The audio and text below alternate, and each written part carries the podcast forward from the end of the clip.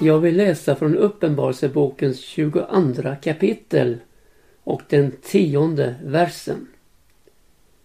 Och han sa till mig Göm icke under något insegel det profetians ord som står i denna bok, ty tiden är nära. Må den som är orättfärdig fortfara att öva sin orättfärdighet och den som är oren att orena sig.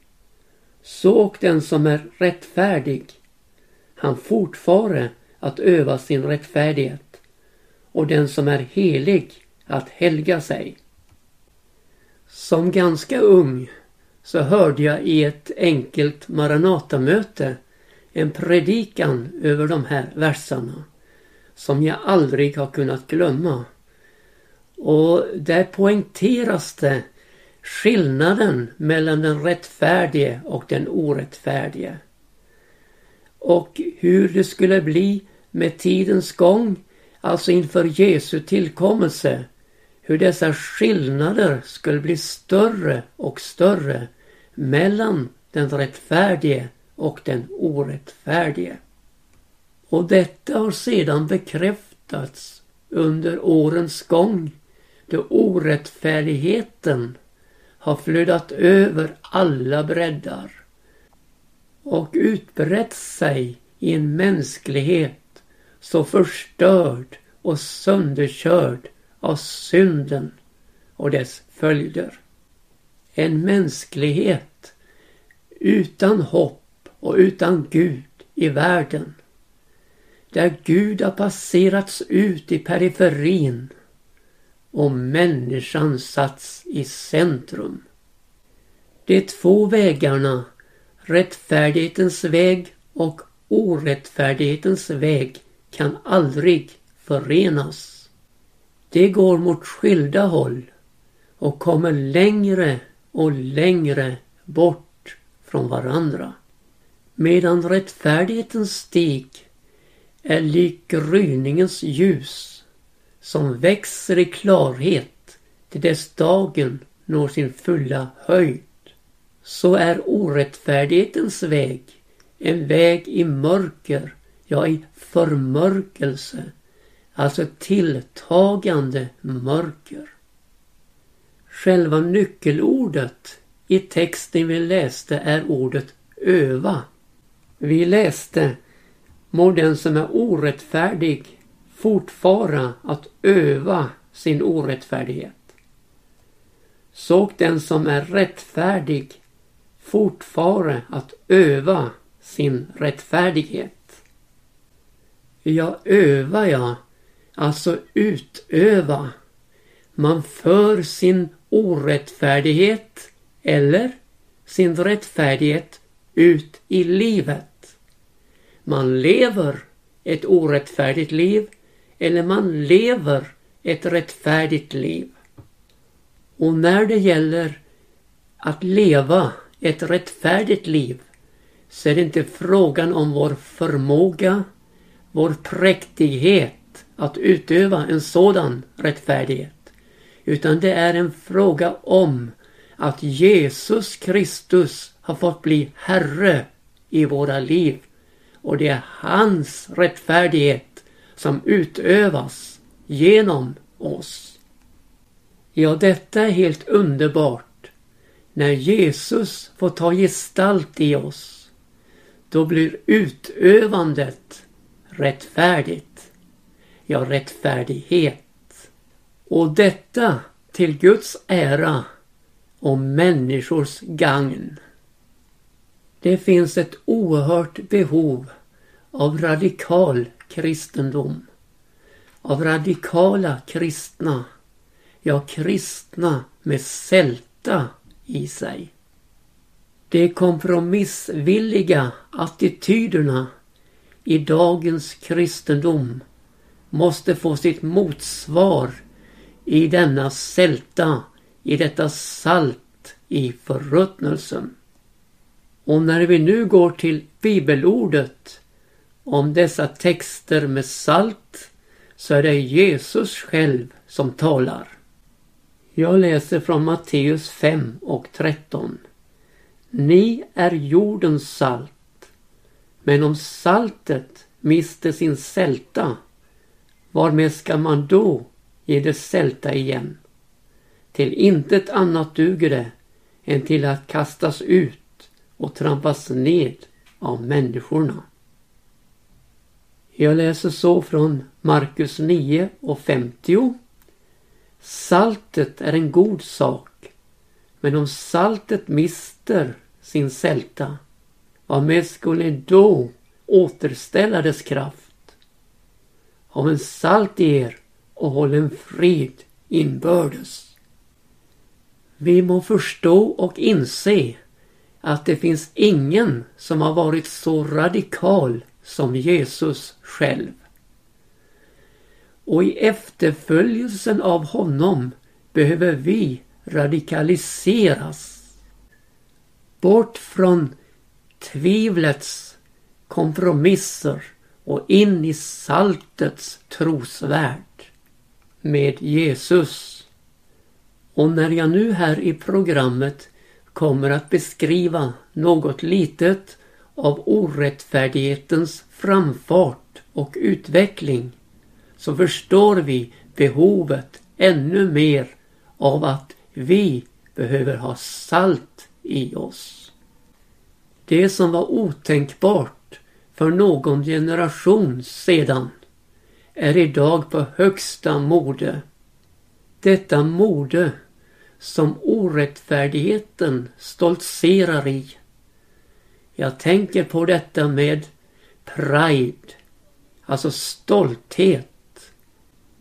Där man som Bibeln uttrycker det söker sin ära i det som är deras skam. Man har varit fräck nog att dra ner Guds löftesbåge i skyn och göra det till en flagga för orättfärdighetens och syndens och Sodoms utlevnad i vår tid. Och naturligtvis får man inte ha någon annan mening än den politiskt korrekta för stunden i den smala åsiktskorridor som råder i Sverige där bara en mening gäller för stunden. Medan man talar om tolerans och respekt för andra människor.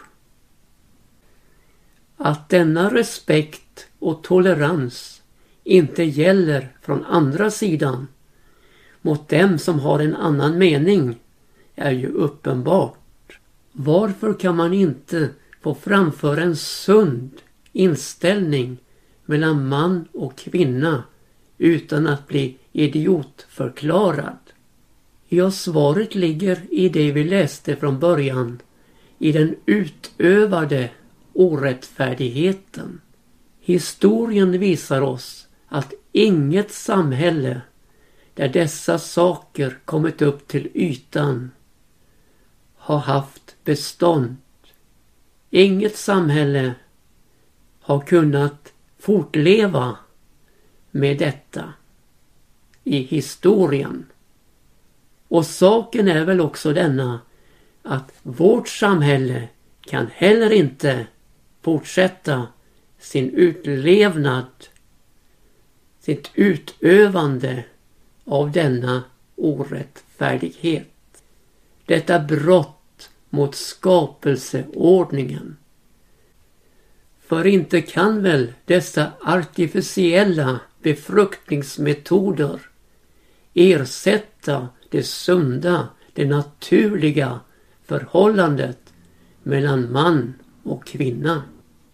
Och när jag nu tar fram Jesu undervisning om saltet som mister sin sälta så är det ju skrämmande vad aktuellt det är i vår tid. Jesus säger att till intet annat duger det än att kastas ut och bli nedtrampat av människorna. Och ibland händer det att någon tar fram Bibelns syn för saken och får lite mothugg. Och då säger man, nej då, det var inte så jag menade. Och när det gäller statens bidrag till kyrkorna, skattepengar som går till frikyrkorna, och prästen drar fram att här är det visst inte helt politiskt korrekt i församlingen. Ja, då hastar man fram för att dementera sin radikalitet och sin bibelsyn. För tänk om man skulle mista bidragspengarna. Och så har saltet mist sin sälta och kastas ut och trampas ner av människorna. Jo, min vän, genom kristenheten går ett svärd som åtskiljer dem som vill stå för Bibelns syn och dem som vill kompromissa med tidsandan. Därför tillägger Jesus att haven salt i er och hållen frid inbördes. Och den friden kan aldrig upprättas eller upprätthållas med kompromisser. När den friden måste komma från Jesus. Han är vår frid. Och det han har sagt måste tagas på största allvar. Och utövas, ja föras ut i livet inom dem som tror på honom. Sen kan man inte bara salta och föra fram blank radikalism. Utan den måste matchas med hela fullheten av Jesus. Han som var fylld av nåd och sanning. Hur kan det vara att det finns så mycket av orättfärdighet ibland människor? Ja, det har att göra med ogudaktigheten. För orättfärdigheten är kopplad just till ogudaktigheten. Alltså det är ogudaktigheten som är orsak till orättfärdigheten. Och nu vill jag läsa den bibeltext som klargör detta för oss och visar på vad som sker när man utmanövrerar Gud ur sitt liv. Jag läser då från Romarbrevets första kapitel med början på den artonde versen och några versar framöver. Ty Guds vrede uppenbarar sig från himmelen över all ogudaktighet och orättfärdighet hos människor som i orättfärdighet undertrycka sanningen. Vad man kan känna om Gud är nämligen uppenbart bland dem. Gud har ju uppenbarat det för dem. Ty hans osynliga väsen, hans eviga makt och gudomshärlighet har ända ifrån världens skapelse varit synliga i det att det kunna förstås genom hans verk. Så är det utan ursäkt. Till fastän ni lärt känna Gud prisade och tackade honom dock icke såsom Gud utan förföllo till fåfängliga tankar och så blev deras oförståndiga hjärtan förmörkade. När de berömde sig att vara visa blev de dårar och bytte bort den oförgänglige Gudens härlighet mot beläten som var avbilder av förgängliga människor ja och av fåglar och fyrfota djur och krälande djur. Därför prisgav Gud dem i deras hjärtans begärelser åt orenhet så att de med varandra de skändade sina kroppar. De hade ju bytt bort Guds sanning mot lögn och tagit sig för att dyrka och tjäna det skapade framför skaparen, honom som är högt lovad i evighet. Amen. För den skull gav Gud dem till pris åt skamliga lustar. Deras kvinnor utbytte det naturliga umgänget mot ett onaturligt. Sammalunda övergav och männen det naturliga umgänget med kvinnan och upptändes i lusta till varandra och bedrev styggelser man med man. Så finge de på sig själva uppbära sin villas tillbörliga lön. Och eftersom de icke hade aktat det något värt att taga vara på sin kunskap om Gud gav Gud dem till pris åt ett ovärdigt sinnelag till att bedriva otillbörliga ting så har de blivit uppfyllda av all slags orättfärdighet, ondska, girighet, elakhet. De är fulla av avund, mordlust, rätlystnad, svek, vrångsinthet. De är örontasslare, förtalare, styggelse för Gud.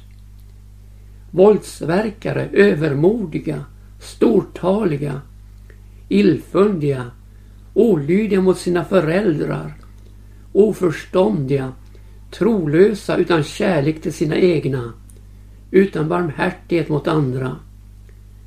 Och fastän de väl vet att Gud har stadgat som rätt, att nämligen det som handlar så förtjänar döden, är dem icke nog att själva så göra. De giva också sitt bifall åt andra som handla lika så. Vi ser här alltså av bibeltexten att utlevnaden av orättfärdigheten har sina konsekvenser som i sin tur orsakas av ogudaktigheten. Ja, att inte ta vara på sin kunskap om Gud. Att inte prisa och tacka honom såsom Gud och ta sig för att tjäna och dyrka det skapade framför skaparen. Ja, här gäller då sanningen om lagen om sådd och skörd. Vad människan sår, det skall hon och skörda. Den som sår i sitt kötts åker skall av köttet skörda fördärv. Men den som sår i andens åker skall av anden skörda evigt liv. Ja, detta är helt sant och omutligt. Låt mig också ta med varför det inte finns någon neutralitet eller tolerans hos Jesus mellan orättfärdighet och rättfärdighet mellan lögn och sanning. Jag vill gå till Hebreerbrevets första kapitel och åttonde vers. Där Gud säger om sin son. Gud din tron förbliver alltid och evinnerligen. Och rättvisans spira är ditt rikes spira. Du har älskat rättfärdighet och hatat orättfärdighet. Därför, o Gud, har din Gud smort dig med glädjens olja mer än dina medbröder. Jag tänk att Jesus på samma tid är fylld av kärlek till rättfärdigheten och hat till orättfärdigheten. Hur ligger nu detta till? Jo, Jesus han älskar syndaren men hatar synden. Han hatar synden därför att den förstör och ödelägger människan och för henne bort ifrån Gud. Längre och längre mot ett evigt fördärv. Undra därför på att han hatar synden. Att han hatar orättfärdigheten. Men så finns denna underbara motvikt att Jesus, han älskar syndaren. Han älskar rättfärdighet. Han vill att människan ska få uppleva hans frälsning, hans rättfärdighet. Den han vant för oss på Golgata då han gav sitt liv till lösen för oss syndare. Så betänk min vän detta enorma pris Jesus gav för att du skulle gå fri från synden och dess följder och få Guds frälsning till del i ditt liv genom mottagandet av Jesus Kristus. Jag tror säkert att man kan sätta likhetstecken mellan salt och sanning. När Jesus talar i Johannes kapitel 8 och den 31 versen så poängterar han och visar på sanningens frigörande kraft. Han säger, och jag läser. Om I förbliven i mitt ord så är I i sanning mina lärjungar. Och ni skall då förstå sanningen och sanningen ska göra er fria. Och lite längre ner i texten. Om nu sonen, alltså Jesus Kristus, gör er fria så blir ni verkligen fria. Halvsanningar fångar in människor och lögnen binder människor. Men sanningen, min vän, frigör människan. Och då den verkliga sanningen som Jesus Kristus representerar och framför. Med sitt livgivande och frigörande ord. Vi får aldrig hata syndaren. Men vi har lov till att hata synden. Må Gud ge oss nåd att handla rätt inför var människa och inte minst inför Gud. I dessa så allvarliga frågor. Frälsningsbudskapet, det glada budskapet, evangelium om Jesus Kristus får inte nedtonas för dessa stackars människor som hamnat i syndens grepp. Nej, evangelium, det gäller alla människor.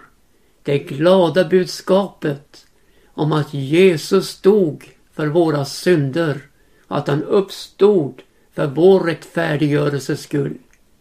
Och vi kan alla få uppleva hans frälsning genom att ta emot honom, Jesus Kristus, i våra liv. För han är vägen, han är sanningen, han är livet. Och ingen, nej ingen, kommer till Fadern utom genom honom. Och låt oss aldrig begränsa Guds frälsning till människor som vi tycker passar in. Nej, Guds frälsning är till för alla syndare som vänder om och tar Jesus in i hjärtat och låter honom få bli Herre i livet.